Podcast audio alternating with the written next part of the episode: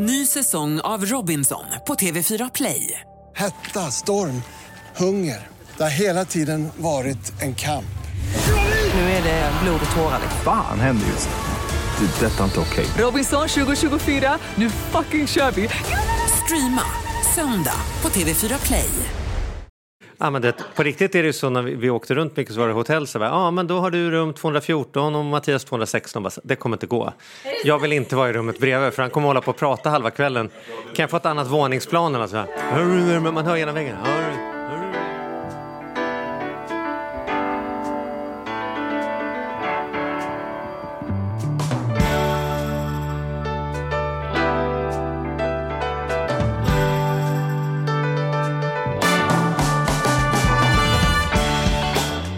Hej kära vänner och hjärtligt välkomna till dagens poddavsnitt av Ekonomi på riktigt med mig Charlie Söderberg och Mattias Andersson. Jag behöver inte fråga dig om du har fått någon kontakt med frisören ännu. Det är fortfarande inte hanterat. Det, det är inte hanterat. Coronafrickan vi, Nej. växer vidare. Jag Men- tror inte att jag haft så här långt hår sedan 1987. Nej, precis. Typ. Mm.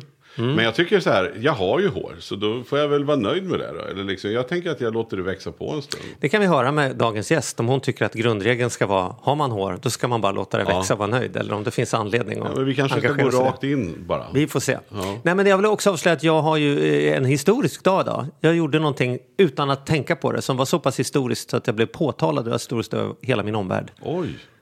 Ja, du har ju klätt dig historiskt och Ja. morsen är ju fortfarande Ja, det kan man Om tro. vi nu ska kommentera våra Ja, utseenden så ja har du ju en precis. sån här... Ja, jag vet. Den har ju bara eh, gått. ice- sån Ja, den ska klippas på Vad fredag. han den här eh, brittiska premiärministern med jättemuschen? Brittisk Vad premiärminister. vet han? Du, på andra världskriget, vad hade inte han en stor Winston musche? Churchill? Ja, Han hade ingen musche alls. Nej, han hade ingen musche alls. Nej. Nej, det cigarr får vi se. Ja, det och demo- kan ju du. Mm. Cigarr och demoner. Jag har gått över Guldbron. Ah, tydligen nyöppnad och det gjorde man inte ostraffat. Det var så mycket eh, ja, mer eller mindre historiska människor om man uttrycker mig så som var på den där bron och gick jättelångsamt och fotograferade varenda ehm, ja, för du kom ju farandes på en sån här elsparkcykel. Ja, men jag här, tänkte jag skulle gå till dig idag och Ja. liksom, så att säga, jag spankulerade eh, genom Gamla stan och kom bort och över Guldbron blev jag ledd och det var ju byst med folk Ja, det var det. som var så fascinerade över att eh, gå på denna bro och titta på hur man hade gjort varenda liten sten. Och, det ja, var väl inget, det är väl roligt att människor kan hitta glädje i en bro. Ja, ehm, kan man säga. folk hittar glädje så varför inte i en bro? Den är Ja, en guldfärgad. To, to each his own. Jag har varit bara så här, ja just det, det kan, Ja. va- det kan vara en Det grej för var ett historiskt moment ändå, för det var första gången. Det här kommer ju du kunna komma ihåg när du berättar för dina barnbarn sen. Jag gick minsann över Guldbron redan 2020 under coronapandemin. Vet ju inte hur det blir, men jag gissar att det här är ett samtal jag aldrig kommer att ha. Jag hoppas att jag har bättre saker att berätta för mina barnbarn än att jag gick Och jag över en tänkte just bro att du en kanske hade gång. något bättre att berätta i som poddstart. Så jag tycker vi, därför tycker jag vi släpper det. Ja, vi släpper Guldbron. Vi släpper Guldbron och Ja. går in på våran guldkantade Guldgäst. gäst. Åh, snygg övergång. Snygg Ja. Mm. övergång. Så varmt välkommen Johanna Lindbagge!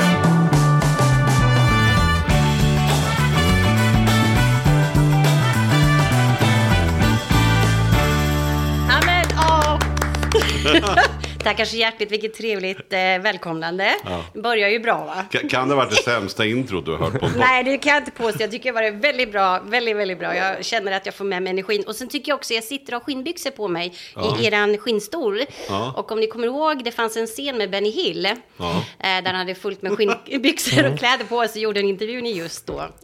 Eh, vad heter det? Skinnfåtöljen eller soffan. Jag känner mig lite så nu. Att det kommer gnissla när du Ja, rör men jag dig ska hela sitta tiden. Mm. still ska, jag- och så ska jag försöka inte flåsa för jag har astma. Ja, alltså det är så, ja, ja. men det, det ska nog gå bra. Men då vet ni, hör ni några fisliknande ljud så är det bara Johanna som är lite, eller som bara sitter på skidor. Ja, gnider runt. Men då kan man säga en fördom jag har om dig är ju att det är inte så lätt för dig att sitta stilla. Att du är en Nej. ganska energisk person, eller? Jag tycker inte om att sitta stilla. Jag vill hålla igång och röra på mig. Jag skulle inte klara av ett, ett eh, 9-5 jobb, utan jag, kroppen ska jobba och den ska röra på sig. Liksom. Och jag har helt rätt svårt att sitta still. Så. Jag har mycket energi. Och det är tur.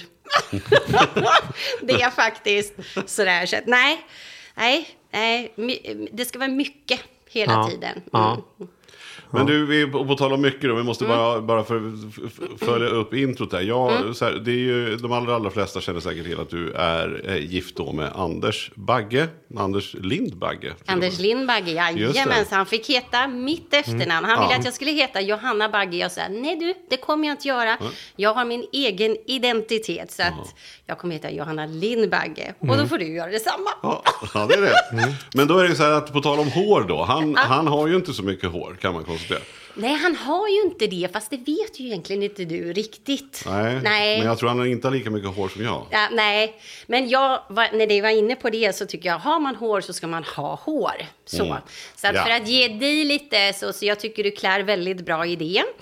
Men ska jag ta bort lite här bak eller? Det blir inte så här, jag vill inte Nej, att men det jag ska tycker du kännas så här kör slicklikt Jesus heller. när du ändå är på gång. Liksom. Ja, ja, okej, Ja, ja. så. Snälla Johan, nu måste du ju hjälpa mig. Vi har en nej, kampanj jag här. tycker det är fint. Han kan ju inte jag, gå med kaffemugg på stan. det Folk lägger ju jag pengar i tycker det muggen. Det går ju inte. Det finns inga problem med det. När du känner att du säger att det börjar komma ner liksom till... Ryggslutet. Ja, Ja. då.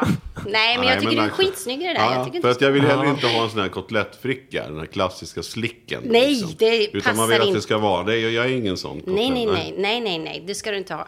Nej, det är jättebra det, som det det är. funkar som det. Ja, tack, Ja, då är vi klara klart med det. godkänt. Då tackar vi för idag. Ja, och du har ju väldigt stiligt skägg. Ni har ju båda skägg faktiskt. Ja, det är Så, faktiskt. ja. Det, det kan man inte komma ifrån. Så är det. Det är också, också inte så himla lätt att få till att man kan få skägg hela vägen. Mm. Snyggt. Men Johanna, nu är det det vi ska prata om. För att Mm. Ja. jag, eh, vi lärde känna varandra för inte så länge sedan egentligen. Och Ja. då så vart jag så oerhört fascinerad efter att vi hade träffats. För att du hade så, ja men för att du verkligen har så många järn i elden. Ja. Och jag tänkte också att vi ska nå fram till att berätta vad det är du faktiskt gör idag. Mm. Men jag känner igen dig från allra första gången. Så var ju du ett bekant ansikte därför att du vann ju Fröken Sverige en, en gång i tiden. Får man säga så? Man, När dinosaurierna pågick så fanns det ju också en tävling. ja. Men, men- men- finns den berätta. inte kvar längre? Är det så, Eh, alltså det, det, det tror jag inte att den gör. Det har ju hänt mycket på den resan kan jag säga när det gäller det. Eh, men det är helt rätt. Jag vann ju då den här Fröken Sverige-tävlingen år 93 faktiskt. Och eh, det var andra året som det blev eh, tv-sänd på TV4. Så det blev ju väldigt stor genomslagskraft när det blev då. Ja. Eh, och eh, det var ju en tävling, precis som Melodifestivalen, älskad och hatad. Eh, nu kom ju jag från landet. från eh, Åtvidaberg som ligger i Östergötland då.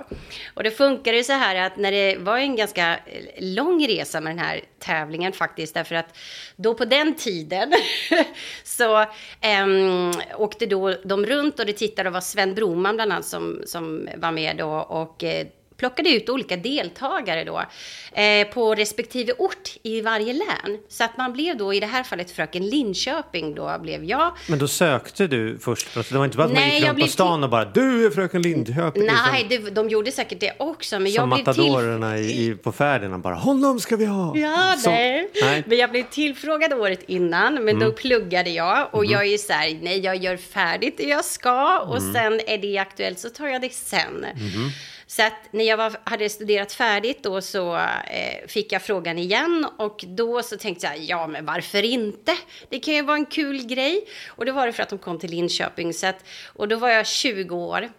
Och då var det ju så här att, att få liksom någon som pysslar om en efter en sliten student liksom, så tänkte jag, ja men det kan vara kul. Och eh, då blev jag fröken Linköping. Sen blev varje ort tävlade med varandra. Eh, och det här var ju då lokala tidningarna som röstade fram då. Eh, men i alla fall, jag blev fröken Östergötland och alla länsfröknar, lands, länsfröknar presenterades i Veckorevyn då. Ja, just det. Så Ja, var det. ja. Så det, vi var ganska, så vi var, om det var, ja, vi allihopa då i alla fall. Och sen så fick folket igen rösta på vilka de ville skulle gå vidare då till den stora finalen som var på Berns i Stockholm. Och då blev jag framröstad där. Och då var, pågick tävlingen i tre dagar. Eh, Och då var det också folket som röstade och så var det en jury också. Så det var båda Det är ju två. väldigt likt Melodifestivalen. Alldeles för många deltävlingar och sen en jury och Ja. folket i kombination. Och det gick så himla fort allting. Och sen så... Eh, och det var ju faktiskt eh, samma år som Victoria Silvstedt också som var med. men, eh, nej men så det både, både- eh, både folket och juryn och det var ju jättekul såklart. Så att det blev Fröken Sverige och sen förändras ju hela livet från en tjej från Åtvidaberg. Ja, Men för var det Ja. inte också så att ni hade hur mycket, det var, en agenda sen det närmaste året? Var det inte så? Det, Ja. det, det skulle komma hända Vadå, det, men det är mycket något saker. kontrakt där vad man ska göra sen, Ja, alltså eller? det var, ju- det var ju väldigt mycket så. Jag opponerade mig faktiskt om det. Över att man skulle göra så väldigt mycket ideellt arbete. Men samtidigt så har man ju räkningar att betala. Så att, eh, och, och jag gör jättegärna det. Men det blev ju då att man får ju åtaganden eh, som man ska göra. Man blir en PR-kvinna, ambassadör för Sverige i olika sammanhang. Jag som eh, kanske inte så mycket för modellen utan mer för liksom jobba och reklam och mer åt det här hållet. Eh, jobbade faktiskt en del redan för Svensk-amerikanska handelskammaren i New York. Eh, och var, jobbade med Husqvarna och Arvid Nordqvist, Nordqvist kaffe. Och jag älskar försäljning och jag älskar produktplacering. Så jag åkte över till New York och gjorde uppdrag där att placera bland annat svenska produkter på den amerikanska- marknaden. Så det var det. Och sen så fick man ju åka då till fröken, nej, Miss Universum-tävlingen och det var ju väldigt surrealistiskt. Eh, där Just det, kom- för då tävlade alla länder. Alla länder, Alltså, ja. det, var, du var, det var en tjej från varje land som Ja. sen tävlade i en stor världsfinal. Liksom. Den heter ju Miss Universum, Mattias, men det är alltid någon från jorden som vinner. Det där är någon... Det är någon Ja. Jag ville bara vara... Men, eh, och där var Det borde ju vara Miss Jorden rimligtvis, inte Ja. Miss Universum. Ja. Men det... Och Ja, ja. det vet man inte. Nej. Och kom man ner till den här gigantiska tävlingen som var i Mexico City där vi bodde i en månad så var jag då, eh, kom ner, frö, eh, vet det, Fröken Sverige så var det ju då Norden och från hela, hela världen. Eh, och eh, det var väldigt konstigt, en tävling måste jag säga, det var en upplevelse minne för livet men det fanns olika deltävlingar i själva tävlingen. Men jag har svårt att man ska jämföra personer med en tjej från, vi säger Sydafrika, med en i, från Sverige. Det är mycket pengar och politik med. Eh, och eh, vi som kommer ifrån Norden, vi hade en resegarderob ifrån JC. Man kan säga att den passade inte riktigt in i Miss Universum. Pratar man tjejerna som var i mera sydamerikanska länder där de går i skola, du vet för, det är ju en jättestor grej i det här. Likadant som det är för USA, att man är miss någonting. Just det, mycket pageants och sådana grejer. Mycket sånt. Ja, Men eh, vi kom ner med en resegård från JC och vi hade fått några fantastiska klänningar från Göran Alfredsson på Thalia.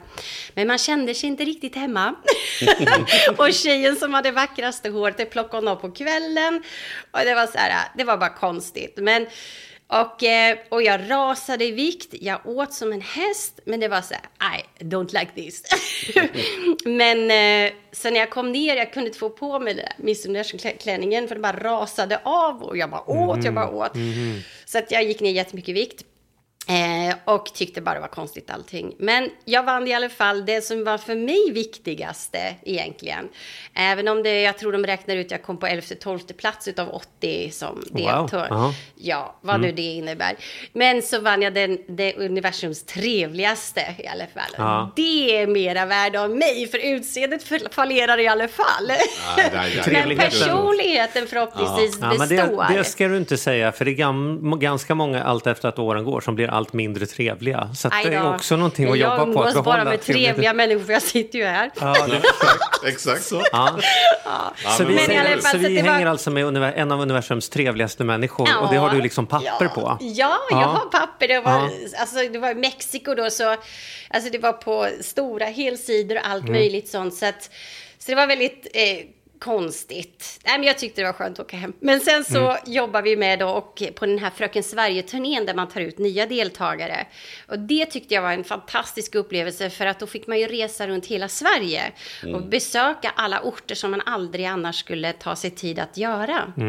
Och sen så åkte jag ner med Janne Lidell som då var vd på Bonnier till, eh, vad heter det, till eh, året efteråt till nästa Miss Universum-tävlingen och det var i Manila.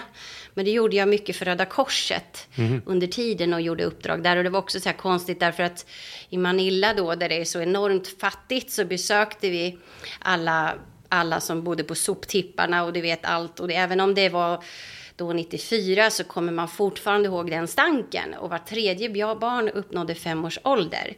Att uppleva det och jobba med Röda Korset för att sen bara två dagar efter gå till en Miss Universum-tävling. Det blir konstigt. Och att stå i, i baddräkt och prata pengar och politik. Det är också konstigt. Ja, det måste ju vara jättekonstigt. ja, nej, ja, men sådär. Men det var ju då. Men blev du rik på det? Nej, man, absolut inte. Jag, jag, nej, gud, nej, jag, ingenting. tjänar Och- ingen cash på vara universums trevligaste... ja, eh, på Fröken Sverige-turnén tjänade man ju pengar. Ja. Eh, och så, men det är ju inga större grejer alls överhuvudtaget. Jag, gudskelov, var ju utbildad innan. Först, hade jag plugg, först egentligen skulle jag bli veterinär, för jag har alltid haft massor med djur runt omkring mig. Men det var jag för blödig för att kunna fullfölja. Så då gick jag vidare då. Och tänkte jag ska jobba, jag måste jobba med då för djurhälsa, men då får jag jobba med människors hälsa istället. Eh, och då så eh, pluggade jag mig och utbildade mig till hudterapeut. Och det här var då 90, innan Fröken Sverige. Och alla tyckte det var vansinne, därför att vad då hudterapeut och sitta och hålla på och jobba med hud? Mm.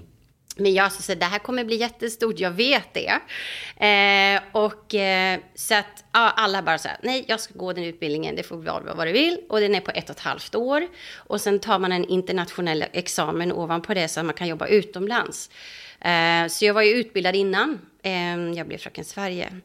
Eh, så att jag under tiden Fröken Sverige-året så anammade jag, just så satte jag ju hudterapeutyrket på kartan för ingen visste ju vad det var. Eh, och idag är det ju en gigantisk bransch och det är också en bransch jag har livmä- livnärt mig på under alla år. Eh, och eh, så att jag under Fröken Sverige-tiden så använder vi mycket av den och då pratar jag om mycket med föreläsning på skolor över att med välbefinnande, vad det egentligen är. Vad är hälsa? Hälsa är inte att äta en sallad, utan det kanske bara kan vara ute med kompisarna eller sätta sig i en soffa och se en film, för hälsa är så olika. Och det var ju väldigt skyddat då, men idag i allt som är med alla sociala medier som inte fanns då, så är det ju tufft idag att växa upp. Och psykiska ohälsan hos många unga är ju värre än någonsin. Så att jag har använt mitt yrke genom alla, genom alla år. Och eh, idag är ju den branschen gigantisk, som sagt var. Så att eh, Ja, en den är väl djungel. hur stor som helst, på gott och ont. Alltså. Vi hade På ju en tjej här, Jeanette, som vi poddade med för några, någon månad sedan. Som vi pratade om sina, just det att hon har en klinik där hon där hon kör fillers och, och sådana saker. Hon är sjuksköterska i grunden och där. Men där berättar Mm. hon om hur många ställen det finns som, som absolut inte borde hålla på med den biten. Och sen så inte all, minst all reklam som jag ser. Alltså verkligen med hudvårdsprodukter. Ja, Där är det ju en djungel. Jag förstår inte hur man ens kan ha koll på Nej, och nu när, du, när vi jobbar tillsammans så har ju du fått sanna in lite mer i det. Exakt. Och det är ju en djungel. Och på den tiden nu så, alltså när jag jobbade då i New York och hade olika uppdrag och sådär där, men jag kände att ja, jag var mer så här, man, man gjorde modellreklamarbeten, men jag var mer det här med att liksom, eh, entreprenörskapet och se produkter växa och, och jag har bra näsa för det. Så att jag reste fram och tillbaka mellan New York och Sverige med olika uppdrag. Eh, och jag blev headhuntad av ett företag som heter Dermarom. Som var då en av de största hudvårdsleverantörerna. Och då pratar vi 96, 97. Eh, och då ville de att jag skulle vara utbildningsansvarig för det här företaget. Det var ett litet företag. Vi var fem personer omsatt ungefär 15 miljoner. Vi, eh, och då tänkte jag så här, men här är det potential. det här gillar jag. Och då kan jag göra reklam och grejer och alltihopa sånt. Men det som jag vill göra, och gärna hälsa, välbefinnande eller vad det nu är. Men jag tackade nej till fruktansvärt mycket som jag inte känner jag kan stå för. Eh, så eh, jag tog mig an och jag tog och började etablera bland annat ett varumärke som hette Declior. Det här kanske inte säger er så himla Jo, mycket. Declior känner man igen. Ja. Men det var, eh, det hade med aromaterapi i alla fall. Det var två drakar på den tiden. Det var ett som hette Dermalogica och så var det ett som hette Declior. och det var baserat bara på hudvårdssalonger. Och vi hade 450 stycken. Så att jag jobbade allt ifrån lagret, jag hade hand om all press och de första pressmötena, eh, utbildade personal, jag utvecklade produkter, jag slet så hårt eh, och reste och jobba, jobba, jobba. Men då byggde upp den här lilla bebisen och tog in andra varumärken i själva eh, koncernen då med eh, Bare Minerals, en massa olika som idag är etablerade välkända varumärken. Så att det är ju en häftig resa, det är en häftig bransch. Mm. Men då, jag måste fråga, jag som inte kan någonting om den här branschen. Jag har ju en sån här, liksom, öm tål, en skeptisk grej kring, Ja. kring hudvård. Och det är ju, det, det, det, från utsidan ser det ut som att det är alltid väldigt fräsiga saker som är bra från huden.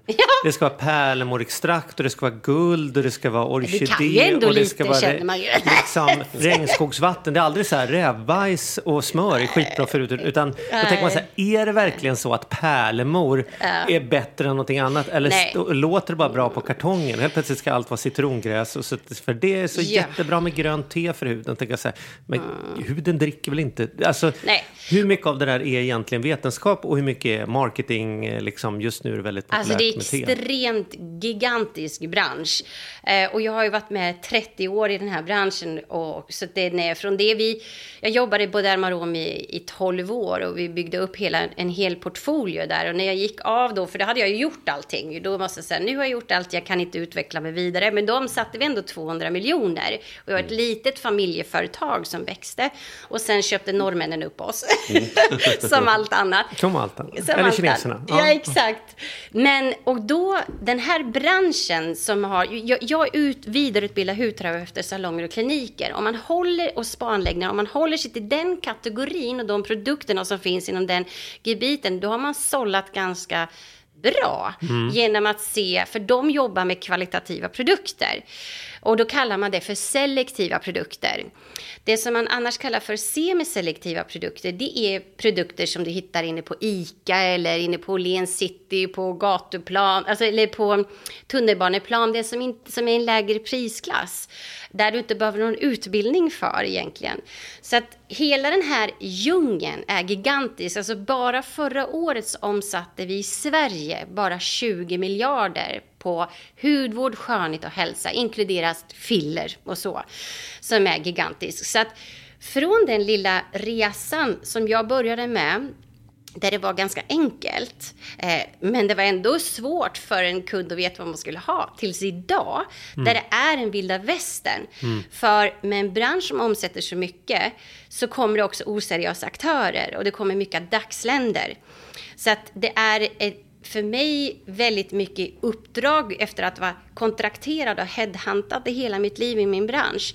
Så har jag för första gången sagt nej, för då måste man promota sig till respektive varumärken. Man ser inte till konsumenten.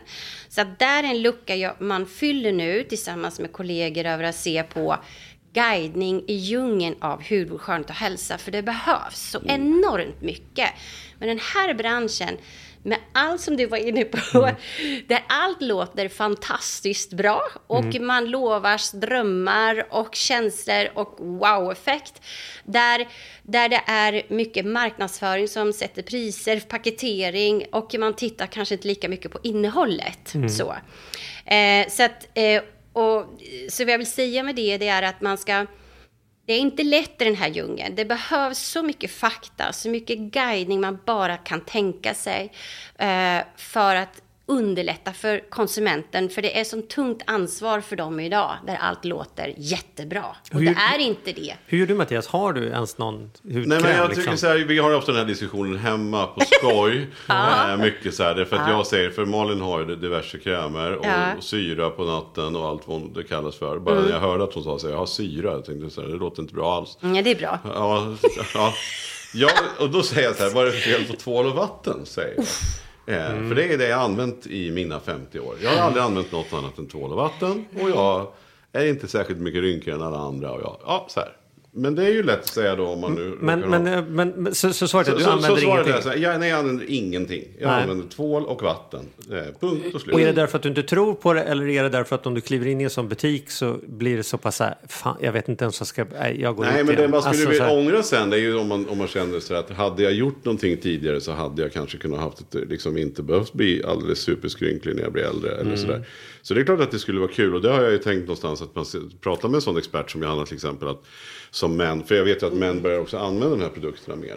Men om jag vänder på det, för vi, nu är inte vi, alltså vi, ska, vi, får inte, vi måste komma ihåg, vi måste gå på Johannas resa här nu med företaget. Mm. Spännande. Men det här blir också spännande att gå in i. Men jag tänker för dig då Charlie, som ju har suttit med en kräm i fickan sen vi träffades därför att du har allergi. Ja. För, för dig är det väl en jävla skillnad att ha, du hade ju inte kunnat köra tvål och vatten. Du hade ju inte haft några fingrar kvar. Nej, precis. Precis. Berätta om det då. Vad, vad är det? Nej, men och då är det ju, då, får, då är det ju som att man får hela tiden leta nya saker och prova och prova och det ena låter bättre och det ena låter sämre och alla som säger världen är full med människor som tror att de är experter. Det är faktiskt så här, när man ser mina fnasiga fingrar, den vanligaste folk brukar säga så här, har du provat en salva? Det är ganska roligt. Så. Ja, salva säger du, det är kul, det ska jag prova, det är en bra idé.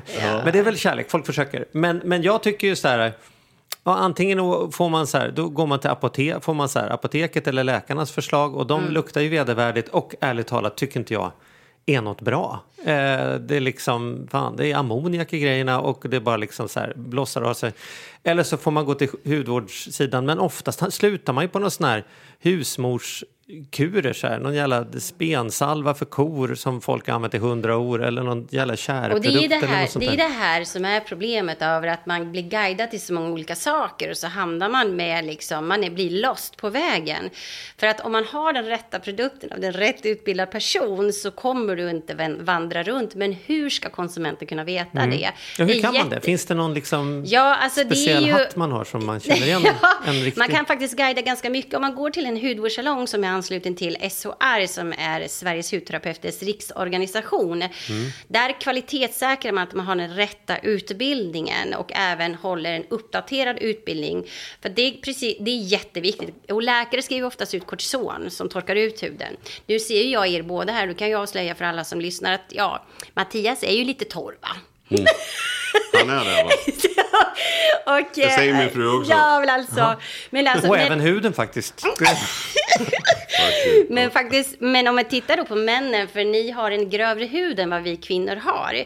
Så att det syns inte lika tydligt när det gäller ålder och allt det där. Men det tunnaste området man har det är ju runt ögonen och det är ju bara en hint om vad som kommer sen längre fram Mhm. i övriga ansiktet då. Mm. Men lite fukt på det är ju inte fel. Ja, Det säger så alltså. Och, då, och över tid menar du? För jag har ju haft, varit så här år i tio år. Men du, då menar du att då, Alltså, du kan ju om jag med- fuktar på lite så kanske det- jag blir mindre rynkig? Jag tycker så här, det är två saker. Sluta att tvätta det med tvål och vatten. Därför för att ta som, det, är så, det suger ut allt naturliga fetter i huden. Det är som att ta svinter på diskbänken. Du tappar totalt lysten och blir torr. Ja. Men man kan inte många påmaskar Ja, men Man kan alltså, byta. Ja, en, en bra rengöring och en bra, en bra fuktkräm för killar. Det är faktiskt det. Och, och grooming-delen, ni vet, för männen, den ökar ju enormt mycket. Och det, det är liksom så. Men, men ljuger jag om jag säger att jag tycker att jag har sett att det finns produkter som, som, med, med, alltså, som är dina produkter? Eller? Eh, Ja, ja, eh, ja, för det är den som är så rolig. Det är den resan. Det är den jag ville komma in på. Ja, ja, ja, ja, ja, ja. ja det har jag fått så mycket frågor om jag ska ta fram produkter när det gäller hudvård och sånt. Men Mm. eh, ja, det är en resa. Men jag gör det på ett annat sätt istället. Ja, för det som är så kul, då, som jag tänker du ska veta om, det är det som, den verksamhet som du nu bedriver, den kollektion du har tagit fram som är ju skithäftig. Ja. Som är på väg. Och hur kommer det sig att du börjar med den då? För det vi ska tala om, ja du får berätta själv. Vad är det du gör? Ja, men alltså så här, då, ehm, eftersom jag varit 30 år i branschen och det här är en bransch som ligger långt, långt efter när det gäller miljötänk och allt, ni vet alla plastförpackningar, kartonger och allt det här. Så att det finns massor att göra det. Jag var så otroligt trött på alla förbrukningsprodukter. Det vi pratar till exempel, ja, vi säger så här, små necessärer som kom till de här produkterna som användes bara vid det tillfället. Det var så mycket kast och släng och det måste vi få stopp på. Så att därför så tog jag fram en kollektion, jag kallar den för JLB-kollektionen och JLB står för Joy Life Beauty. Och inne, innefattar produkter i Joy, det kan vara kläder, L det kan vara lifestyle-produkter eh, och eh, B kan vara beautyprodukter. Det känns som du har safeat det, för det skulle ju kunna vara Johanna Lind Bagge. Men I när know. Anders åker ut så kan du fortfarande...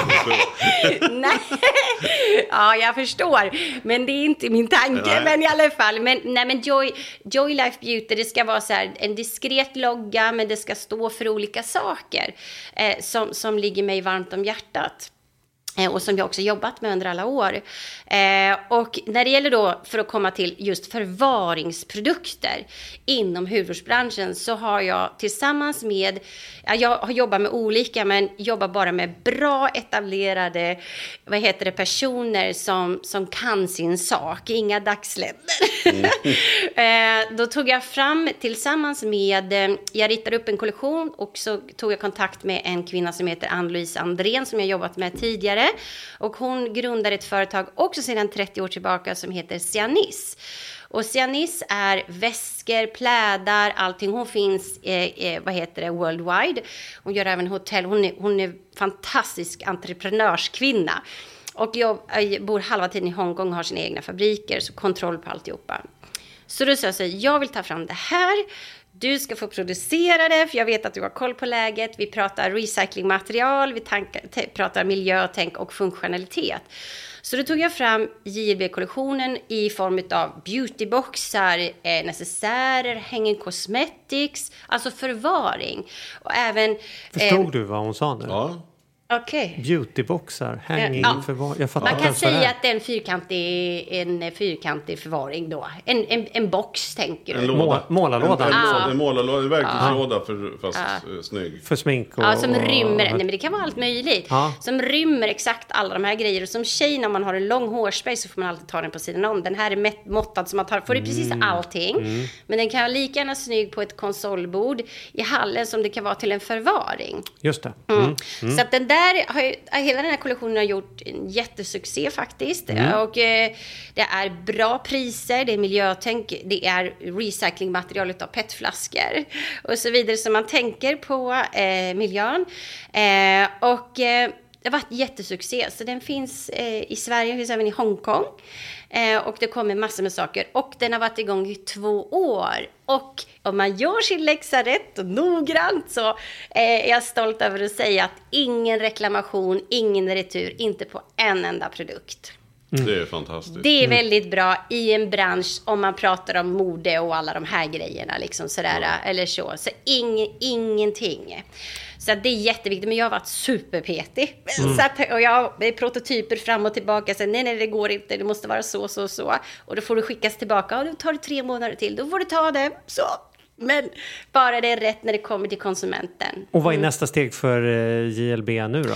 Kommer det någon nu, ja, nu, ja, det kommer massa grejer och multifunktionella produkter. Mm. vi pratar om då, det här var ju då B i beauty-delen. Ja, Joy är då mera åt kläder, det som ger så här och eh, det kommer vara reversible kimonos, produkter du, du kan vända ut och in så du har två produkter i ett. Som att, mm. sådär. Mm. Det kommer även eh, lifestyle-produkter som man vill lite inredning göra. Men det kommer även eh, vi pratar om hudvården eh, så kommer jag bara ta fram specifika produkter som har med eh, body lotion, duschkräm och handwash och lite sånt här som egentligen ingår. Fottkräm känner jag. Ja, jag, jag har en Är vi målgrupp Mattias? Ja, mm. precis. Mm. Men jag kommer vara väldigt, jag kommer väldigt, jag kommer nischa mig mycket till så multifunktionella produkter. Och jag tror att vi kommer dit också därför att Eh, det är ju så mycket av allting, så att låt oss minimera eh, det och skapa multifunktionalitet istället. Det tror jag att vi behöver göra. Så man inte ska ha en kräm på ögonbrynen och en på öronen och en annan på halsen att, och tredje på näsan? Ja, men, ja, men det är en dag och en nattkräm, en ja. kombinerad ja. kräm. Och, eh, och det händer ju mycket i den här branschen och jag har jobbat mycket med Hudcancerförbundet. Förut kanske inte säger så mycket, men Eh, solskydd fanns alltid med krämerna förut, men mm. det var ju väldigt mycket problem med det och har inte ett fullgott skydd. Så nu har hudcancer tar bort, eh, Hudcancerförbundet tar bort allt solskydd i produkterna. Så att en produkt, en kräm, är en kräm, ett solskydd är separat. Mm. Så att, ja, återigen, det är en djungel. Så jag mm. tänker eh, att det ska nå ut till kunder eh, som är behovet eh, att ha en kvalitativa produkter eh, multifunktionella produkter eh, och det ska vara lätt att ta till sig. Och också i den här djungeln då som är och med de här stora Amazon och allt som är på intågandes så tror jag också det är extremt viktigt att, att jobba med den personliga eh, delen för att skapa en trygghet till kunden också. Eh. Men du kör ju också, du måste berätta, jag har ju sett mm. på, på din Instagram också att du, mm. kör, att du kör events. Ja, just hemma. det. Ja, jädrar vad det är kul. Ja, är det, ja, det är alltså, så det är typ, skoj. Är det typ gamla Tupperware-partyn? Nej, för vad? tusan. Och där kommer jag var tvungen att reta lite. Ja. Nej, det här, det var, för att komma det här då till... Det är inget fel på gamla Tupperware-partyn. Nej, Nej, men så här. Ja. Nej, ingen sån. Ingen, jag vill inte hålla på med sälj där, utan det här är då för att återigen ge guidning till eh, eh, den här djungeln av hudvård, skönhet och hälsa. Mm. Så skräddarsyr jag, eh, vad heter det, event, eh, där vi går igenom lite grann hudens uppbyggnad. Hudvårdsskola, just där det du pratar om. Alltså, mm. vad, vad, ska jag ha? Vad ska man tänka på? Det där, vad är bra? Så man går igenom allting det som en, en, en kille eller man behöver göra hemma. För det man gör hemma varje dag, det är där många gånger mm. resultatet ligger. Så jag gör hudvårdsguiden och sen så gör jag även makeupguiden då. Inte jag då, men jag anlitar in folk. Mm. Eh, och det är skräddarsydda, eh, vad heter det, eh, event. Och det är så härligt för att det är ett åldersspann från 17 till 73 år. Mm. Och de är fullbokade och de reser, flyger ner från Umeå, Luleå och sitter i bil i sex timmar för det här.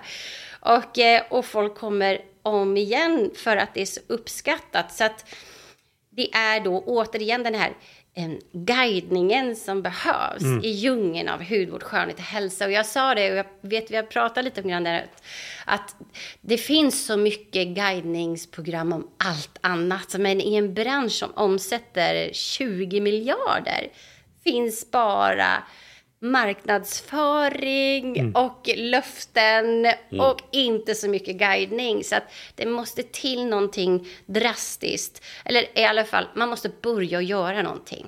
Om det Men, blir någon temakväll för mm. skäggiga medelålders män, då, då har du ju några kunder klara ja, här. Ja, jag har gjort kanske. mycket för, för kar, kar, Det är jättemånga män som går på salong. Åh ja. oh, gud ja. Ja, ja, ja, oh, ja. Och män är det mest tacksammaste man kan ha. Mm. De, de, de ifrågasätter inte. de säger, nej, men alltså ja. om man säger att det är bra så är det bra. Ja. Alltså så. Eh, men, eh, men det är klart att det är det. Och det är ju så att många sitter vid datorerna idag. Och det är ju fler och fler som har problem med sin hud idag. Du har problem med din hud, mm. som du säger. Eh, och vi är väldigt känsliga. Det finns så mycket runt omkring som vi inte hade förut. Strålning från datorn, eh, belysningar, telefoner, alltihopa som påverkar huden i allra största grad. Så att vi har ju mer problem än vad vi, vad vi hade förut. Mm. Men då måste jag ändå gå tillbaka mm. här nu, för det, mm. det, märks ju. Det är fantastiskt att höra ja. hur mycket du brinner för, för huden. Ja, Den, det, ja, ja. det råder ingen tvekan om. Men hur får man, alltså det är mm. inte lätt att dra igång för du, du har ju då varit anställd mm. eller haft uppdrag kan man säga då. Ja, visst. Mm. Men sen plötsligt ska du starta en egen kollektion. Liksom, ja, just det. Där man beställer och fabriker är mm. inblandade och det ska mm. ändå fram produkter. Hur, hur, gör, hur får man till det? Det tycker jag låter... Ja. Det är så här som jag tror många drömmer om. Ja. Att jag skulle vilja ha min egen kollektion, mina egna kläder, ja. mina egna väskor eller vad det nu kan vara. Men det, jag tror att det känns orimligt stort och svårt för många. Ja, och där ska hur, man inte göra. Man, liksom? Det kan ju lika gärna gå bra. Ja. Man måste tänka så. Och jag har, tag...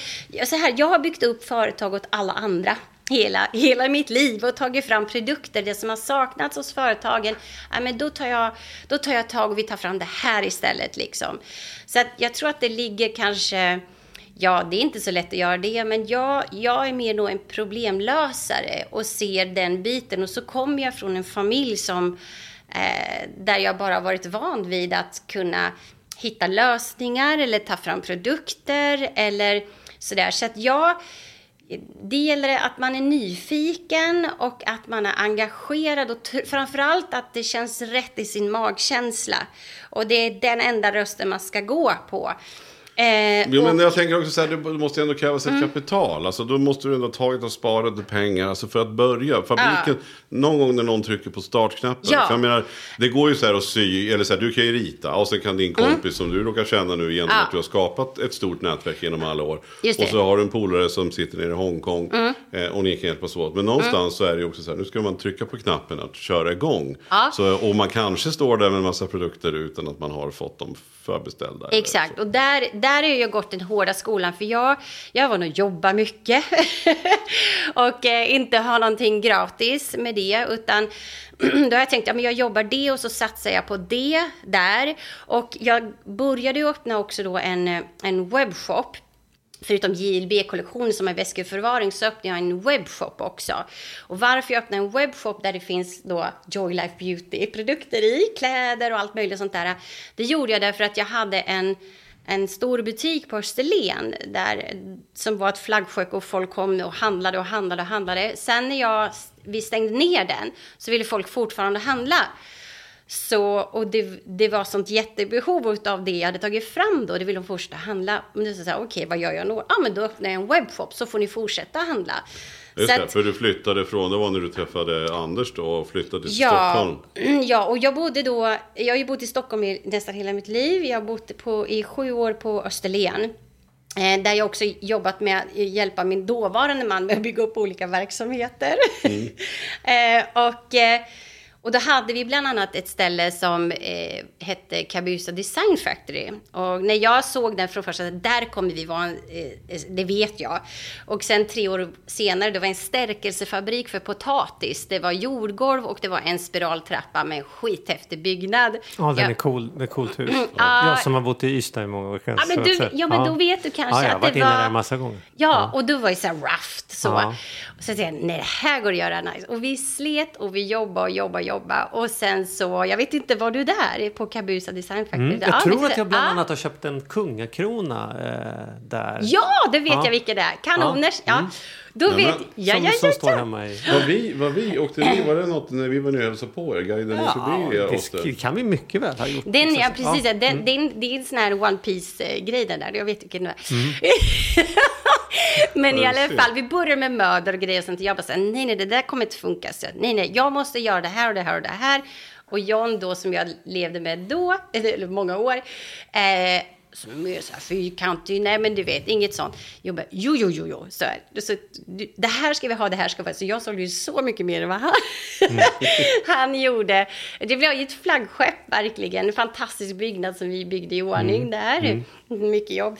Så för att komma till det, att just att våga tror jag är viktigt. Och att, att eh, som ni öppnar den här webbshoppen, det kostar ju mycket pengar att dra igång det. Och jag gör allting noggrant och det ska vara de rätta betalningssystemen, det ska vara lagerlogistik och det ska vara eh, uppbyggnad av eh, hemsidor och webbshop och alltihopa. Men det, okej, okay, jag jobbar på, tar alla de kostnaderna, inget lån på det sättet, utan och sen så, jag har ju bara varit igång väldigt år med den. Och då har jag omsätter nu två miljoner på lilla jag. Ja, det, det är alltså inte på, dåligt. Nej, men, men då har jag tagit alla kostnader och jag har personal mm. som jobbar. Jag har laglogistik nere i Åtvidaberg och alltihopa med, med det och så. Men då vet jag så här, okej, okay, nu då har jag tagit alla kostnaderna. Eh, och nu kan jag liksom istället börja bygga. För det, men det bygger ju mycket på mig. Mm. Mm. och sådär.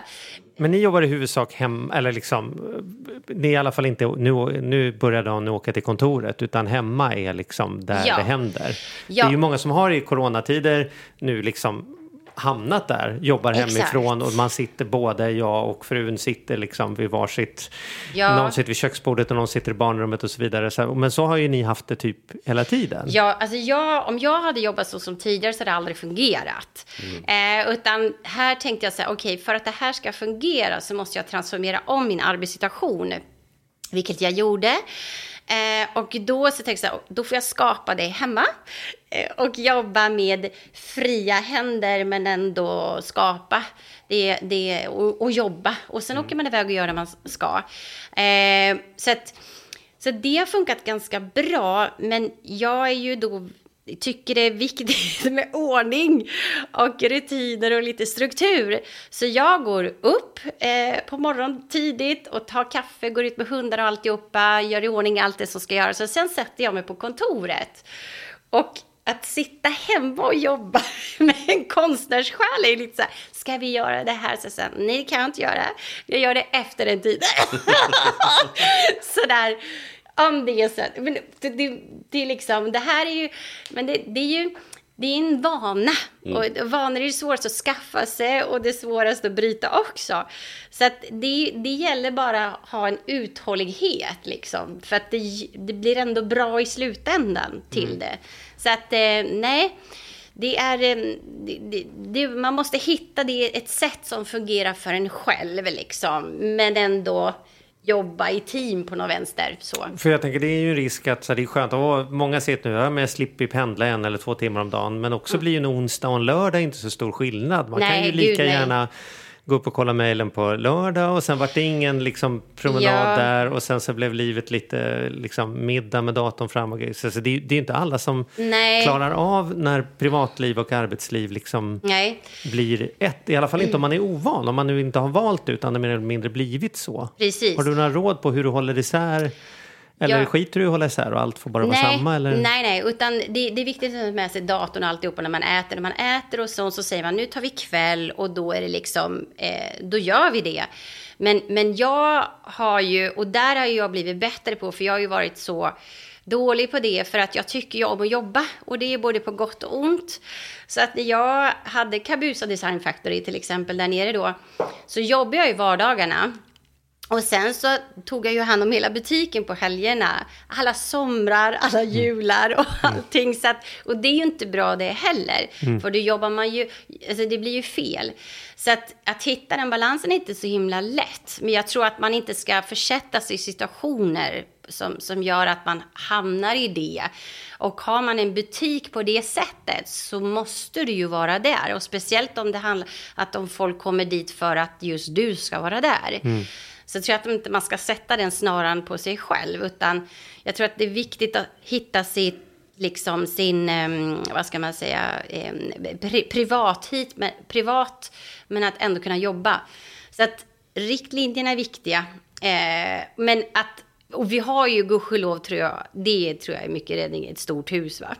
Mm. så att jag har gjort i ordning min del där borta. Så i ena delen av huset som är ett kontor.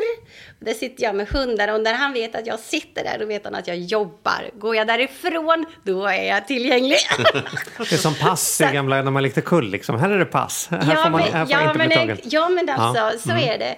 Sådär så att eh, så försöka skapa eftersom situationerna tror jag kommer att vara så mycket framöver att man får liksom skapa det man har hemma. Och idag är det guld värt att man kan jobba så mm. med, med, uh, med webbinarium och internet och alltihopa sådär. Så att jag tror det kommer bli en, en, någonting som kommer följa med oss längre fram. Kanske hela livet ut faktiskt. Härligt! Alltså vad inspirerande, vad roligt att höra. Man blir liksom översköljd på något vis ja. av inspiration. Det är ja. superhäftigt. Ja. Jag ska väl berätta då, just det här med nyfikenheten får ju aldrig försvinna, kreativiteten. Du måste jobba med det du tycker om. Det är så mm. extremt viktigt. Annars så blir det bara, man får inte dö i själen. Jag mm. tror det är extremt viktigt. Mm. Jag, min pappa då kan jag bara nämna lite kort, han har ju då, det låter konstigt, uppfinnare va. Så att han tog ju fram... Varför skulle det låta konstigt? Ja, men idag kanske det låter ja, men Det är väl inte alla som är uppfinnare. det hade jag tyckt att det var ja. ja, men jag tror att så här, om man vill skapa någonting så tror jag också det är viktigt att man inte, att man delegerar ut och jobbar med människor som är bra på respektive sak. Och eh, eh, lämnar över till, ja men det här är du bra på. Mm. Ja, så att, så att man kan få fokusera på det man är bäst på. Min kära pappa då som uppfinnare, han tog ju fram simdynan som är den vita remmen runt om och gula konerna som många av oss har. Mm, liksom. Ja, den hade man ju som barn. Just det. Mm. Och massa olika bad, badprodukter och sånt där. Så han var ju så här, åh, han levde i sin bubbla och alltihopa. Men sen min bror då, så jag har en bror som heter Daniel som är fem år, fem år äldre är ju mer det här, ah, men okej, hur kan vi växa, hur kan vi göra det? Så att pappa behövde ju det där för att kunna också dra det vidare. Så att jag tror att man kommer ifrån det här skapandet. Mm. Så. Eh, mm. Och man måste våga hoppa. Om du inte gör det så kan det ju aldrig bli någon förändring. Liksom så. Och blir det någonting, det kan ju faktiskt lika gärna gå bra. Man ska inte vara rädd. Nej, jag, tänker, jag håller med. Och jag skulle säga oftast handlar det bara om att inte vara rädd för att ge sig in på saker som man inte vet. Hur Nej. får man tag i en fabrik i Kina? Ja, man får väl ringa någon och fråga. Alltså, så, ja. så gör ju alla andra. Men man ja. har en bild av, innan man gör det tänker man, ja. Någon annan har redan någon kontakt med. De visste allt från början. Men det Ja. handlar ju om att Och ringa och ha de där pinsamma samtalen. Så jag vet inte. Kan inte någon berätta för mig hur man gör? Men jag Ja. tänker ändå göra det. Liksom. Ja, men jag tror bara vara öppen och ärlig i det man vill göra och erkänna så här, det här kan jag ingenting om. Vad skulle du säga? Och att man hjälper varandra. Jag tror det är extremt viktigt. Och inte, vi behöver inte fler egoister. Vi behöver folk som bryr sig om varandra istället och vill hjälpa varandra. Det är, liksom, det är jätteviktigt. Så bort med dålig energi och folk som tar energi. Omge sig bara med de som ger energi istället. Det är liksom A och O för allt. Ja, härligt. Om man vill gå in och titta då på, man kan ju så här, vart, om man nu vill se dina projekt, om man nu vill gå in på webbshoppen, om man vill gå in och titta på, köpa dina produkter, vart gör man det? Alltså jag tror att egentligen så här, om man vill ta del i den här galna världen så kan man ju nästan gå in på faktiskt. På vad som eh, helst. Ja, vad fasen. Bara googla kommer allt fram. Nej men då, följ Instagram tror jag faktiskt, Johanna Lindbagge. Så enkelt som det. Så kommer man guida sig vidare till det. Eh, och webbshoppen är ju, den, den finns där även också. Så, ehm, så att, men, men som sagt och där kan man även ta del av de här beauty-eventen. Eh, som är faktiskt väldigt, väldigt bra. Vi har ett nu i november också fullbokat. Så att det är så skönt att göra det som människor mår bra av och uppskattar. Det får Gud, jag en kick roligt. av. Fantastiskt och vilken stor ära för oss att du ville komma till oss. Tackar för att jag Otroligt fick roligt. komma. Men verkligen, kul. Ja. Ni ska hem och smörja in er nu, det vet jag. I alla fall Ja, du Mattias. Ja, det ska jag. Det är lugnt. Tack så jättemycket Anna. Tackar så hjärtligt. Tack. Tack.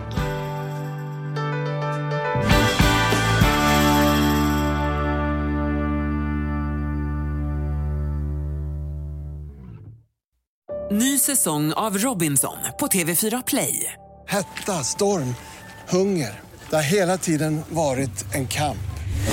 Nu är det blod och tårar. liksom. Fan händer just nu. Det. Detta är inte okej. Robinson 2024, nu fucking kör vi!